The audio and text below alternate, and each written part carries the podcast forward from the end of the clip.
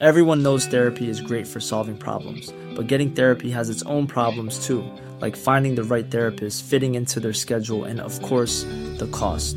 Well, BetterHelp can solve those problems. It's totally online and built around your schedule. It's surprisingly affordable too. Connect with a credentialed therapist by phone, video, or online chat, all from the comfort of your home. Visit betterhelp.com to learn more and save 10% on your first month. That's BetterHelp, H E L P.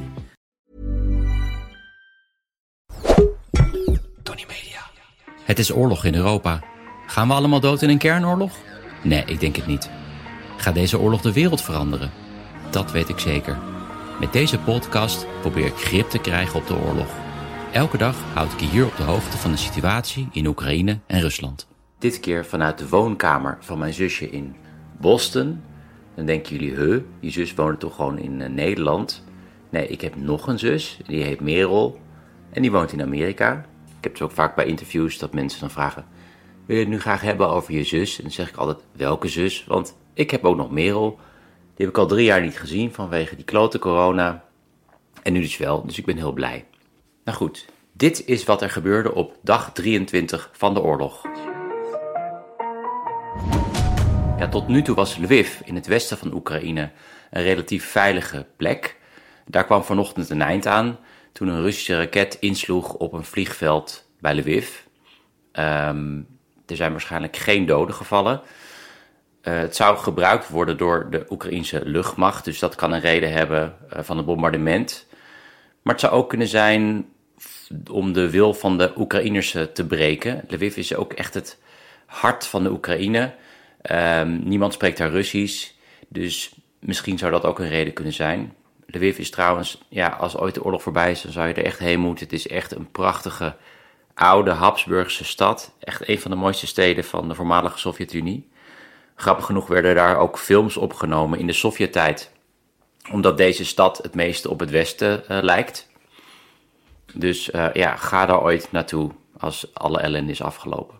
Verder is het vandaag precies acht jaar geleden dat de Krim door Rusland werd geannexeerd.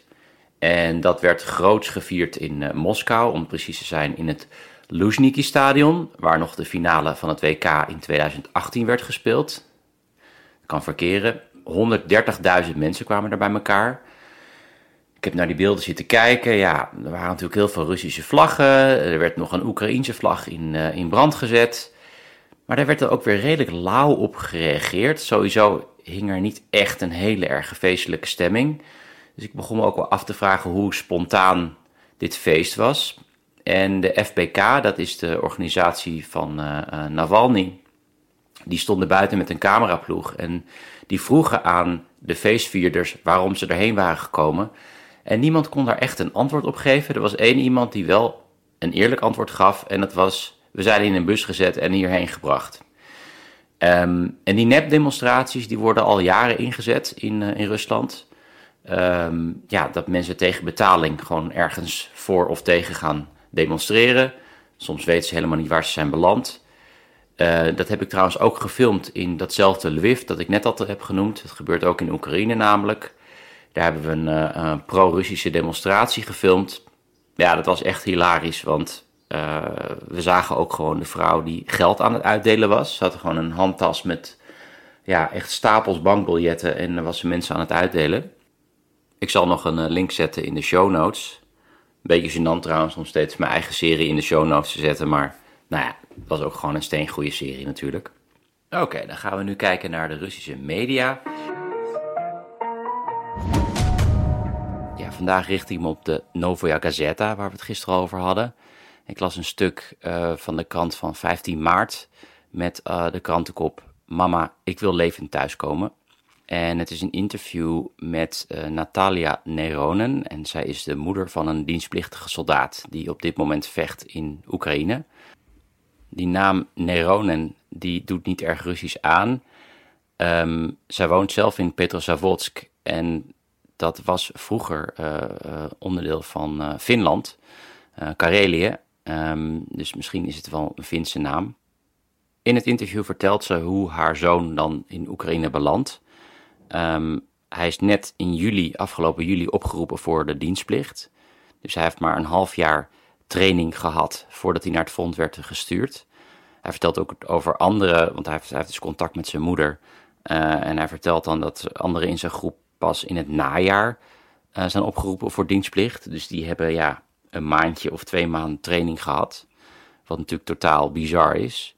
Eerst was hij gestationeerd in Belgorod, uh, in Rusland. En dan vertelt hij dus dat ze daar wachten op een koper. Uh, een koper, daarmee wordt bedoeld een militaire eenheid die manschappen nodig heeft. En soldaten noemen ze dan koopwaar. Dus hij is zelf een soort van product. En dat is natuurlijk ook een beetje in lijn met die filosofie van het leger, dat je eigenlijk niks waard bent en, en wordt gekocht. In zijn geval wordt hij dan gekocht door een tankregiment. En ja, hij appt dan af en toe naar zijn moeder. Ze, ze slapen dus in, in, in tenten. Het is ijskoud.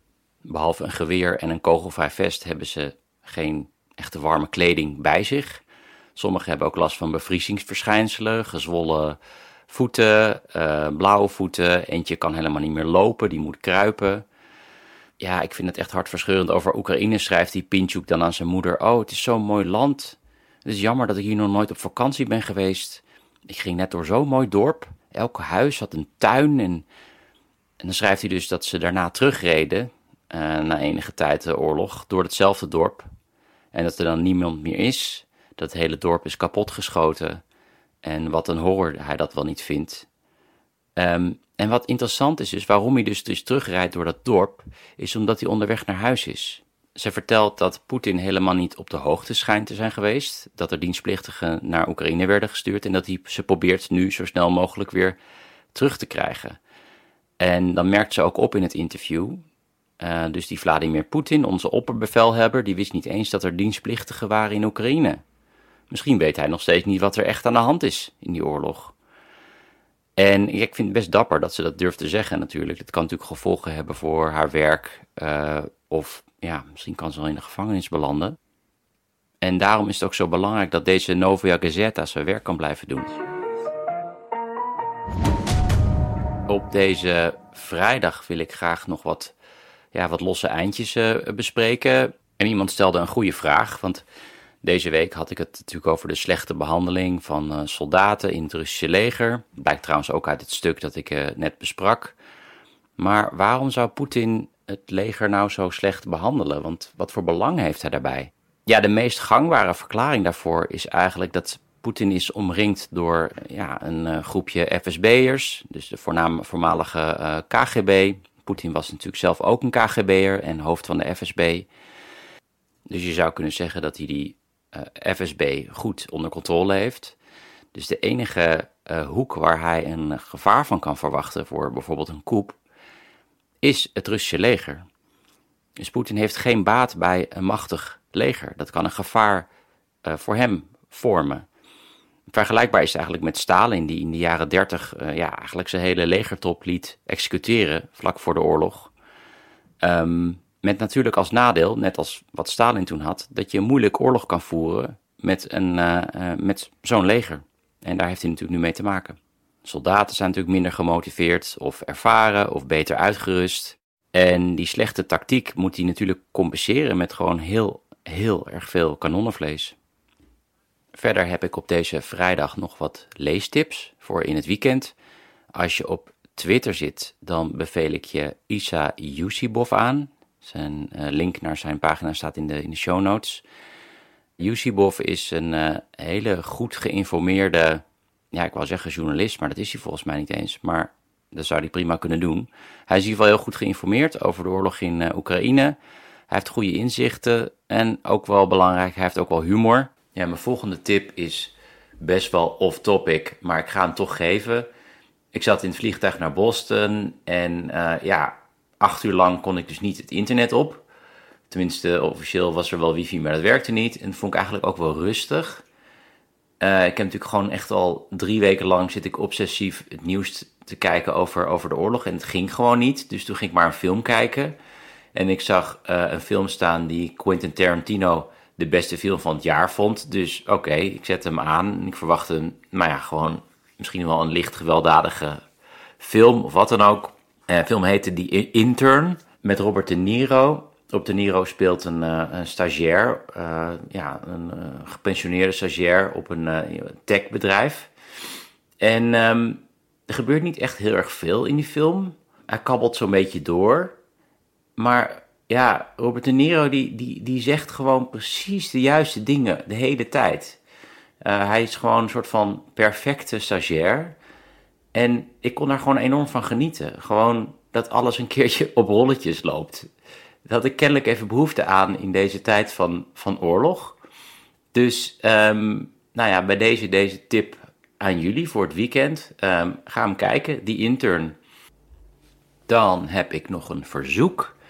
Uh, zouden jullie een recensie van deze podcast kunnen achterlaten op jullie podcast-app? Dat is hartstikke fijn, want dan ben ik, eh, of eigenlijk de podcast, beter uh, te vinden. Oké, ten slotte wil ik deze vrijdag eindigen met muziek. Ik vind het ook belangrijk om te laten zien dat er natuurlijk ook mooie dingen uit Rusland kunnen komen. In dit geval de Sovjet-Unie eigenlijk. Um, het is een oorlogslied, vond ik wel toepasselijk. Oorlogslied uit de Tweede Wereldoorlog. Toen de Russen en de Oekraïners uh, nog uh, zij aan zij vochten. Het nummer heet Tjomnaya Noch en dat betekent donkere nacht. En wordt gezongen door een soldaat die midden in het oorlogsgeweld zit en zijn vrouw mist. En het nummer begint met de tekst: De nacht is donker, ik hoor alleen maar de kogels over de steppen fluiten en telefoonkabels die klapperen in de wind. Nou ja, dat soort werk. Ik vind dat dus hartstikke mooi. Um, er is een link naar het nummer in de show notes met Engels ondertitels. Темная ночь, только пули свистят по степи. Dan wens ik jullie nog een fijn weekend en tot maandag.